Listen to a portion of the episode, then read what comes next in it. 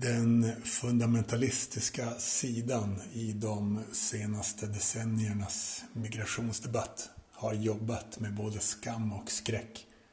Det har bidragit till att det på motståndarsidan under sociala medier-åldern växt fram en typ av metapolitiska ledare som är för fina eller för fega för att uttryckligen tycka vissa saker.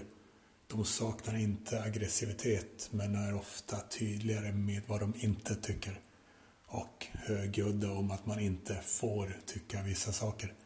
Vilket är tillräckligt lättuggat för många nationalkonservativa följare.